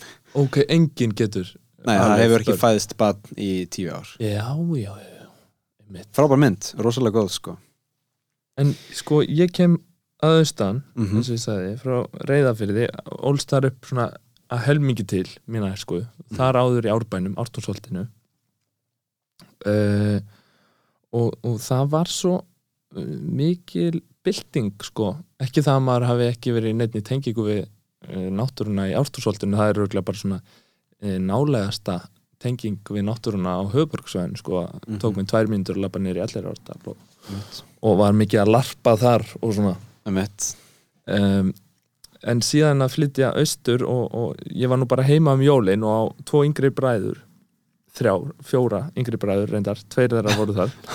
Eh, hérna og eh, við fórum í, í jólagöngutúrin ég og, og bróður minn og fjölskylda og áður en ég vissi af sko þá vorum við einhvern veginn, hann er sjóra og við vorum komnir af veginum og það var nýfallin snjór og við vorum búin að lappa frá húsun okkar í 30 sekundur þegar við erum bara komin út í kletta og tré og hérna svo sáum við refaspor og, og við eittum tveimur tímum í að, í að, að hérna, þef, reyna að þefa upp einhverja refi og fylgja sporum og rákumst svo á rjúpnaspor og það, þau blönduð saman við refasporin og svo sáum við vangjatak Mhm. rjúpunar sko. Mm og, og, og hérna þetta er bara í garðinum okkar sko. Emmett og það er svo briljant og, og það er gaman um jólina eða tímum fjölskyldu sinni og, og, og yngri sískinum og, og gaman að spila og svona en, en hérna, svo þarf maður einhvern veginn alltaf að hafa sér svolítið við við að fara út í já skilur, versus það að horfa á eina mynd eða da da da að finna svona afþrengu en um leið og ég var komin út þetta var bara langt besti partur frísins, skilur Mhm. að eigða tíma út í náttúrunni með hundunum okkar og bræðurum okkar, þetta er bara stórfenglegt. Og eitthvað sem að þó að þeir búi þarna uh, en það áreiða fyrir ég held að þeir gera ekki of mikið af þessu sko. Nei, þetta er því miður einhvern veginn ekki sko þetta er ekki hluti af rútínu daglegs lífs.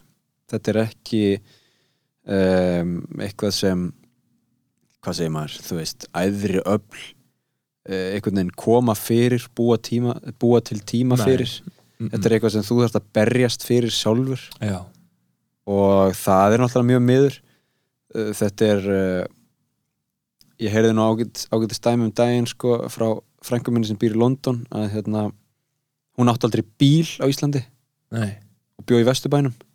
Einmitt. Og ég minna að þú veist, jú, jú, þú getur gengið æði síðuna og þú getur gert ímislegt skilur en, en hún hefði þurft að eiga bíl til, a, til að gera ímislegt annað tengt náttúrunni. Einmitt. Og hérna nú býr hún í London og getur lappað eða allavega tekið almenningssamgöngur nokkuð auðvöldlega og komist í almenningsskarða sem eru eins og skilur Hallamstæðaskóur um, að hérna er, þá, er, þá er náttúran svona tekin inn í borgina. Einmitt. Og meðan við þurfum að einhverju leiti allavega að sækja náttúruna út fyrir borgina. Það, mér finnst svo briljant hvað þeir eru að gera í Shanghai. Mm mm. þú séð það? Nei, Þeir eru að involvera náttúruna í öllum arkitektúr já, já, já. það sé í Shanghai. Að byggja hús sem að eru með innibyggt regnskóarsystem skilur mm og hérna uh, og, og bjóða náttúruna velkomna og, og, þarlegandi dýr og apa og allt bara vilt líf velkomið inn í borgina sem við erum svo búin að eða svo mörgum áratöfum í að reyna að úthýsa sko. Já, já, já, já. Einmitt. Um, þetta er eitthvað sem er mjög sko já, þú veist, þetta er eitthvað sem er bara óumflýjanlegt. Um, borgirnar munu stækka og þjættast og uh, löngu, fyrir löngu hafa komið fram kynnslóðir sem hafa bara alist upp í borgum, þú veist og þekkja ekkit annað. Einu kynnin okkar kannski af slíkum kynnslóðum er uh, uh, ferðamenn, þú veist mm sem er að koma frá stórborgum já, og þekkja ekkert annað en, en borgarmyndina og borgarlífið. Og bara hafa aldrei andað sér svona hreinu lofti á æfinni og hér. Og sko átta sig heldur ekki á hættunum sem eru sko fólknar í, í uh, náttúru. Einmitt, óbeðslæri náttúru uh, eitthvað sem við blessunlega mörg hver allána hérna, ölumst upp við uh, áttum okkur á og er, er svona kannski sjálfgefið Mhm. að einhverju leiti Já. það er eitthvað sem þarf að sko kenna þeim einmitt og ætti bara að vera námskeið sem fylgir með flugmiðan til Ísland sko. já, já, já, algjörlega ég meina uh, nú ert þú mættur í fjöru og það er uh, sjór hérna hann heitir Norður Allandshaf og hann er ískaldur og uh, hér í þessari fjöru er sérstaklega aðdjúft sem Mhm. gera það verkum að öldurnar eru mjög uh, kröftugar og stórar. Og þú ert einmitt. Einhvern veginn, þú veist. Þetta er ekkert til að grínast með sko. eða, þetta er ekkert skiluru þetta er bara uh, big deal að, að sko líka bera kennsla á það hvena maður er í hættu. Mhm, mhm, algjörlega. Um, þannig að ég fagna því að hérna, borgir uh, séu að reyna að finna einhverja leið til að uh, færa náttúruna aftur inn í mannlegt daglegt líf já, fólksins. Og ég meina ákveðina dýrategundir sem, að, sem eru ágætlega til þess fallnar að búa meðal okkar.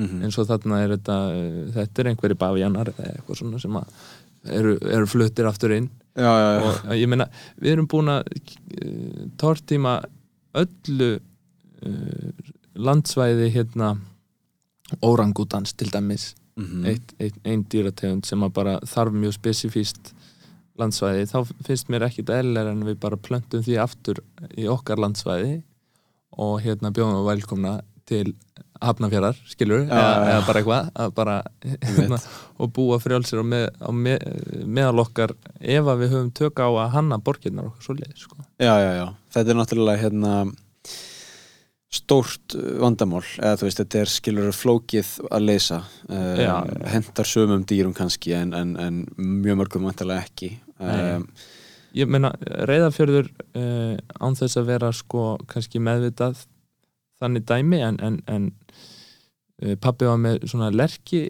tré mm uh, í, í garðinu sko sem hann gróðsetti fyrir nokkrum árum og, og e- eitt veturinn þá bara hurfuðu þau sko.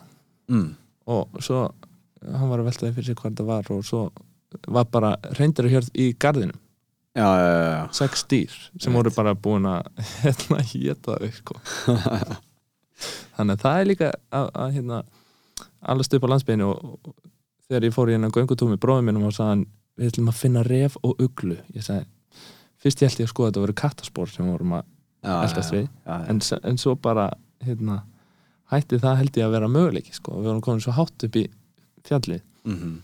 og uglu, ég sagði nei það er einhver uglu hér, jú og þá sá, var bara ugla einmitt í garðinum fyrir nokkrum vikum sko. Mhm.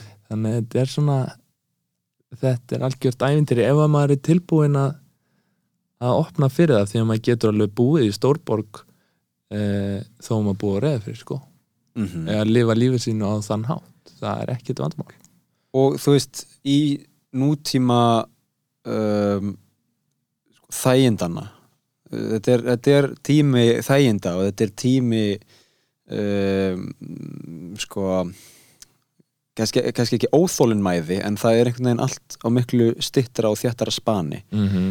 uh, þetta er heimt, tími heimti frekjunar sko. Já, já, við, hérna, við, við bara ætlumst til þess að, að, að fá það sem við erum að panta og það sem við viljum og, og sama hvar við búum og á sama tíma á einhver sem býr kannski við liðan á búðinni sko. og þú vaknar á mótnana og þú ert í fríi og þú hefur val um að upplifa náttúruna Aha. eða að heimsækja TikTok og hérna munurinn á þessu tvennu er að þú ætlar að upplifa náttúruna þá þarfst að fá þig morgumat uh og þú þarfst að taka til dót og mögulega taka gönguskóna út úr skáfnum einmitt. Og mögulega gera nesti. Mm og annarkvort að eiga bíl eða redda bíl eða nenna að taka strætó í klúktíma og uh, kíkja veðspána og þú veist það er bara svo margt sem fer inn í það að eiga góða stund út í náttúrunni. Já, já, versus þú tekur upp síman þú sest í sófan instant gratification. Já, já, já. Og ég meina við erum bara búin að búa þannig um hnútana í okkar samfélagi að við erum búin að gera okkur það erfitt að sækja náttúruna því að við erum búin að úthýsa henni hún er ekki lengur hluti af lífin okkar. Mm -hmm. og hérna hún er ekki það sem heldur okkur á lífi lengur að við höldum. Við erum aftur á ímyndunaraflinu við erum búin að búa okkur til þann raunveruleika. Að hún sé þannig að skipti ekki máli og sé bara eins og kannski hver hannu dægradvöl eða málverk til að horfa á til þess að, til þess að hérna, láta okkur líða vel á einhvern nátt sko. og sé orðin eitthvað framandi já, fr- já, einmitt. Um, en svo finnum við fyrir því að hún er uh, tölvert nærri og, og þegar að fjórða hæðin mín í hjarðarhagunum Vesturbæjar byrjar að nödra skilur þá hérna þá finn ég fyrir því að hún er ekki hérna fyrir mig sko. Nei, nei. Það er bara hérna setur þetta mjög uh, hratt í, í samhengi. Já, við erum ekki neitt, neitt. Nei, ekki neitt, neitt. En það er líka áhugavert að sk- að skoða náttúruleysið út frá sko matarmenningu. Um, það einhvern veginn hefur verið þannig að miklu leiti eða bara eiginlega öllu leiti fram að um, þú veist, ég veit ekki 19. 20. öld uh, allan á Íslandi fram að skilur miðri 20. öld eða eitthvað sem vel setna að hérna allt daglegt líf snýst að einhverju leiti í, í kringum uh, samband þitt við náttúruna annars vegar og mat hins vegar mm -hmm. um, megnið af störfunum skiluru fyrir 19. öld allavega og Íslandi fyrir 20. öld megnið af störfum heimsins snerist bara um að búa, eða, veist, að búa til mat að afla, afla sér matar einmitt bara við hvað vinnur þú? Já, ég vinn við að hérna, afla mér og mínum matar einmitt og núna er það, við hvað vinnur þú? að ég er að búa til tölvuleik í hérna, snjallíma já, já, gæðvett hvaðan kemur maturinn? Já, mér er svona krónan fín. En ég fer stundum í hagkaup líka. Skilur, það er svona og hérna, síðan er það bara á síðustu áratögum að þetta hefur algjörlega breyst sko og er algjörlega komin á hinbóin komin, svo, komin svo langt í raun að, margir viti ekki einu svona hvað maturinn er. Nei, úr hverju hann er gerður eða hvaðan hann kemur eða einmitt. Og mikið af þessum störfum eru líka því að þú hefur nú talað mikið um það í þessu uh, hlaðvarpi að hérna það er ákveðin störf sem að verða obsolít mm -hmm. og, og mikið af störfum í matariðin að gera mig grein fyrir, nei, svona get ég ímynda mér sem að voru mönnuð áður eru farin að detta út sko það eru mikið færibandsvinna og, og vélar, til dæmis bara fiskurinn hérna á Íslandi það eru komin sko bæði fjós og fristihús sem að eru bara risarobot já, já, já. sem að bara eru bara maskína sem bara hérna flaggar og, og beinreinsir og bara hendur þessu í fína pakningu fyrir einsins lið sko. Það er bara ít og play. Já, já, og þessi, þú veist þessir fristi tógarar skilur eru bara náttúrulega versmiður og, og hérna uh, taka út landvins, landvinnsluna að miklu leiti um, þú veist, bara okkur að gera þetta í landi við getum gert þetta út á sjó? Okkur að hérna hafa fólk að gera þetta þegar við getum haft vélar að gera þetta? Hérna karakterinn hans sveppa í verbúðinni væri sammála. Ertu búin að sjá fyrsta ég þetta? ætti að segja hann, ég ætla að horfa hann í kvöld með Ok. ennskum texta. Uh, mér skilst að hún sé á rúf 2 Já, Nei, hérna um, sko, þetta þetta er samt svona vonandi vonandi sjáum við fyrir endan á þessari þróun samt af því að uh, fólk sem horfið til útópíunar talar um uh, ver verksmiðju framleiðslu á mat mm sem eitthvað mjög slæmt. Já, já, uh, sem hún er í sko, mjög mörgum tilfellum. Uh, við náttúrulega erum rosalega mörg og það eru mjög margir staðir í heiminum þar sem þú gætir ekki verið í, í mun sjálfbærari framleiðslu. Nei það er bara eina leiðin til að hérna, brauðfæða fólkið er að hérna, vera í mjög einsleitinni uh, framleiðslu sem er svona auðvelt að, að hérna, sjálfvirkni væða og allt það Mhm. en, enn og aftur þau sem horfa til út á pjöunar hugsa við erum búin að fjarlægast svo mikið, við erum búin að færa þetta allt frá okkur, við erum búin að útvista þessu hingað og þangað vélarnar er að gera þetta, við erum sinni við komum ekki nálega þessu, við sjáum bara uh, final product skiluru sem er hérna í einhverju maturvæslun mm Útópían er svo að við færum þessa framleiðslu nær okkur aftur við gerum hana fjölbreyttari um, og við um, já, en, en ofta drögum hana nær okkur. Kominir aftur, tókum smá pásu uh, það sem við vorum að ræða er hérna að sko uh, fólk getur googlað þetta en það, það er, þú veist eitthvað svona regenerative agriculture, þú veist Mhm. landbúnaður uh, hvort sem það er með plöntuafurðir eða dýraafurðir þar sem allt er einhvern veginn í miklu meiri harmoníu og balans og, og jafnvægi um, þú veist, þú ert að rækta plöntur sem hjálpa hvor annari þú veist, þú ert að rækta dýrategundir sem hjálpa plöntunum og plöntunar sem hjálpa dýrunum og allt þetta í staðin fyrir að vera með þú veist, uh, skiluru hundrað hektara af sojabönum.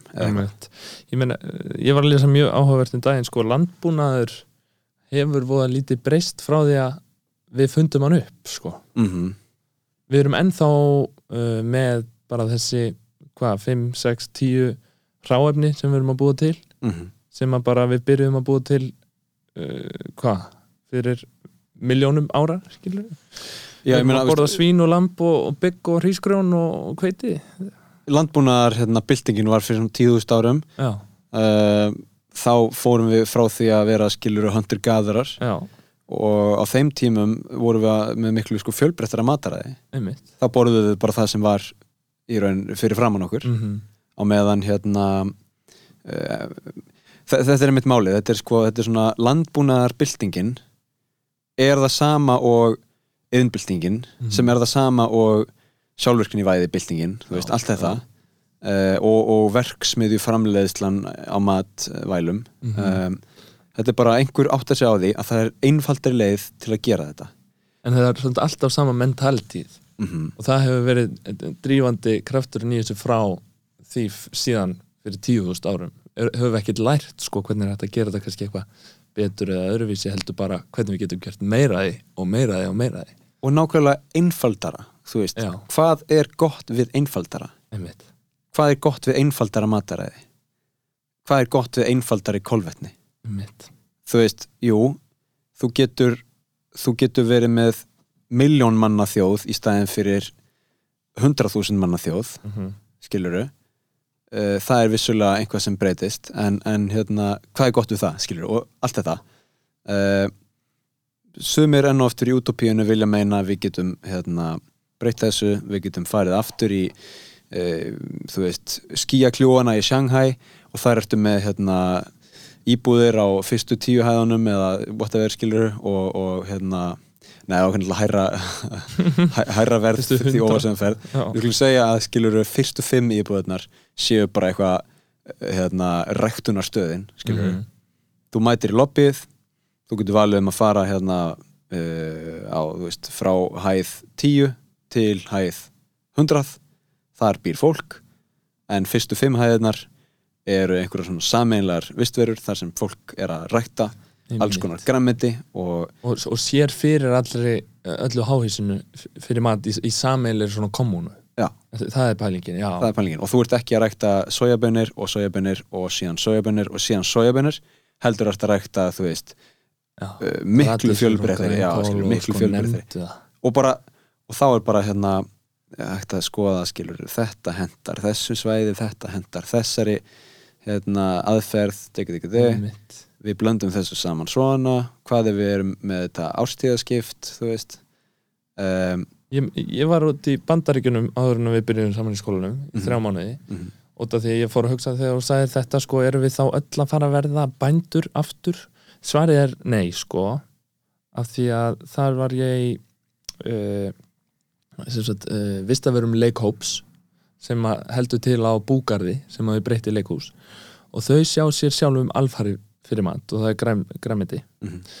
og þar eru sko leikararnir og, og listrænir stjórnendur hópsins þau eru líka smiðir og þau eru líka uh, sumir eru kokkar og aðrir eru að sjá um græmitið og aðrir eru að sjá um hýbilinn að byggja og smíða og allt þetta Mhm. þannig að þau gera það e, í sínum í raun frítíma og, og annars eru þau að vinna að listrætni sköpun sko. það, ég meina, ég held að þetta sé framtíðin að einhverju leiti og Mhm. Gefið að hérna, loftstinnin sprengja okkur ekki allir upp í loftu sko. Já. þú veist, það mu- hva, myndi það drepa okkur að vinna einum degi minna í viku, skilur við Nei. myndi það drepa okkur að vinna sex tíma í stæðin fyrir átta uh, þú veist, þetta er mitt svona, stórhísið, háhísið í Shanghai þú mátt búa þarna en þú verður að vinna fimm tíma á viku í græmitsrækt Mhm. eitthvað, oh, oh my god, þá get ég bara unni 45 tíma viku í hérna, hinni vinnunum minni. Já, já, já, en þú fær ókips mat. Já, þú fær ógætis mat og þú ert að vinna með skilur höndunum, þú ert að vinna með öðru fólki þú ert að Já. læra eitthvað. Þú sérð hérna, uh, því, þú sérð það sem þú hefur áorkað í lok dagsins og þú farð að njóta þess með vinum og fjölskyldu. Það er bara allt gott við a- all, allir, fá, allir fá hund. Já, sem að við með að velja hvaða hund? Já. Og það er alltaf lægja því að hann er leiður í fjölbíli hann já, að því gefnum að sjá við vel um hann og farum við út að labba. Í garðinum sem sem að umleikur allt og þetta er ekki það, það ganga engar samgöngur hann þetta er bara gras í staðin fyrir uh, malbygg mm úti. Já, já, já. og, og, og hjól fyrir alla. Þetta er, Útópían. við hérna flytjum þannig til Shanghai. Þau eru að gera allt rétt í Shanghai Já, ég meina, það eru margar borgir sem eru komnar uh, hérna, einhverju leiti langt í þessum pælingum. Um, Ég er nú farið til Tókjó fljótlega og ég hlakka til að sjá hvað hérna, vinni mínir í Tókjó er að gera. Uh, En þetta er eitthvað sem við þurfum að gera. Já, já, já. Tíu miljardar manna á jörðinni árið 2050 uh, segjum allan að meir en 50% kannski nær 75% af þeim býr í borgum. Mm En hvernig væri í Reykjavík þú veist get, ég er að sjá fyrir mig núna sko svona tréhú, tréhísi mm í staðin fyrir að byggja þryggja hæða hús e, úr steipu einhverstaðar á Arnarnesinu að, hérna, að ég myndi núna fá lán hjá bankanum og, og, og með láninu fengi ég svona lítið e, græði link Já. sem ég myndi hérna, setja einhvers staðar niður í jörðina af, af, sem verður að rísa stóru e, eigartré -hmm. sem að ég get síðan eh, byggt mitt hús þar og við förum alltaf aftur að búa í, í trjá hísum Já, þannig tréhús, já, já, já, já, já. Já, ég það þurfti meina, kannski aðeins fleiri en eitt eiga tré sko, til að halda upp í heilu húsi tökum þessa hugmynd til Japan.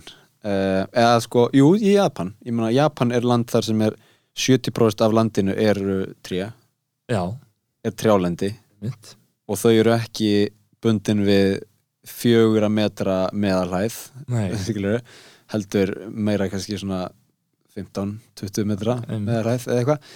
Um, það það náttúrulega bara að haga seglum eftir vindi og hérna svona eh, allavega frá því fyrir, ég veit ekki, þúsund árum eða eitthvað, þá hérna hefur verið frekar erfitt að vinna með tré á Íslandi. Mm en þó er, eru margir sko sem sjá tækifærin í þessu þú veist uh, er ykkur kólefnis skattur að fara að koma, eitthvað svona kólefnis jöfnun og allt þetta dót?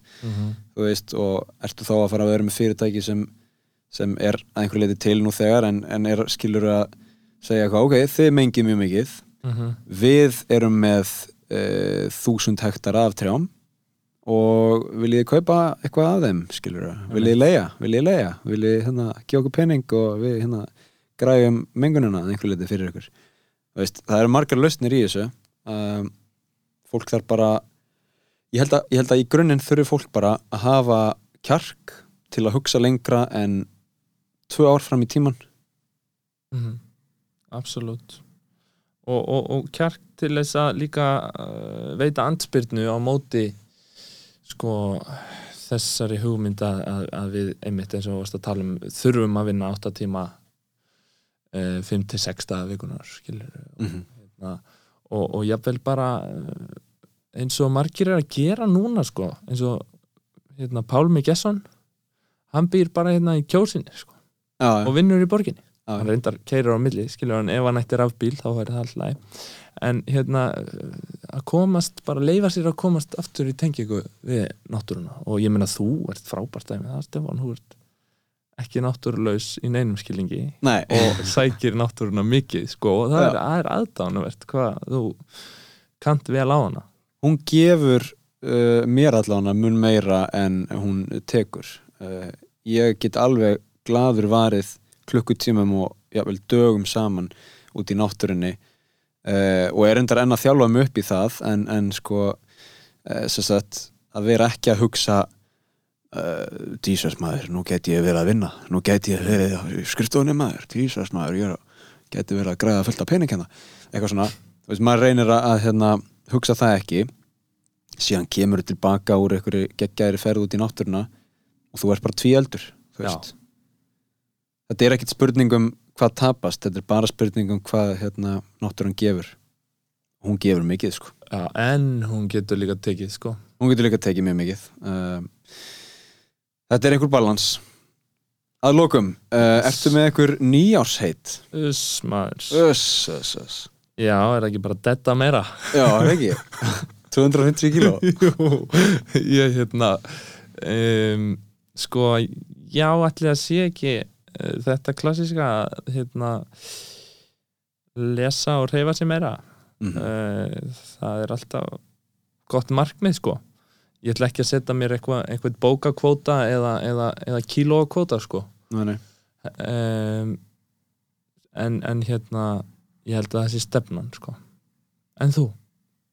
Uh, markmiðið mitt er náttúrulega bara að verða fræguleikari í Tókjó Yes Nei, ég segi það nú ekki, en markmiðið er samt ángríns að uh, fá að vinna sem leikari í Tókjó og að, að sko kynnast um, sko, já, bara kynnast þeim í Tókjó og sérst, kynnast leiklist í Tókjó og hvernig hérna, uh, hvaða hugmyndir fólk er að vinna með þar. Einmitt, ætlar að halda áfram í þáttin frá Tókjó Já, já, já, við verðum að gera það við verðum að gera það, sko. Ekki?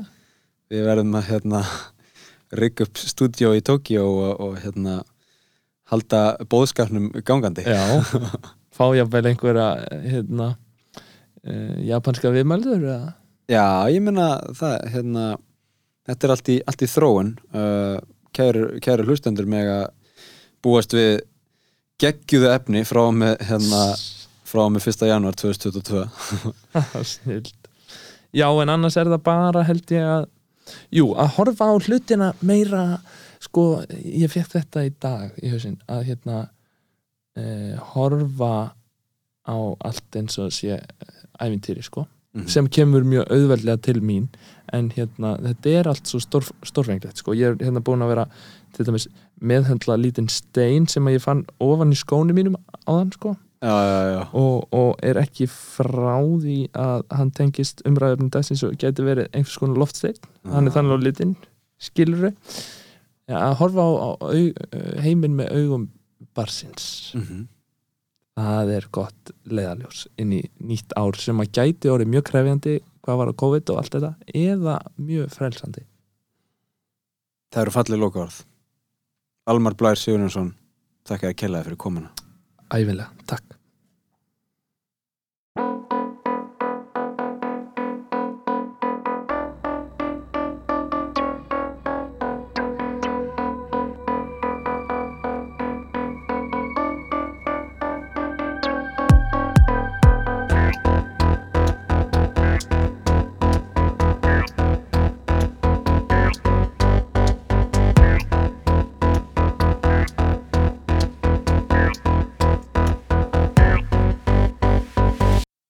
Kæri hlustandi, takk fyrir að hlusta.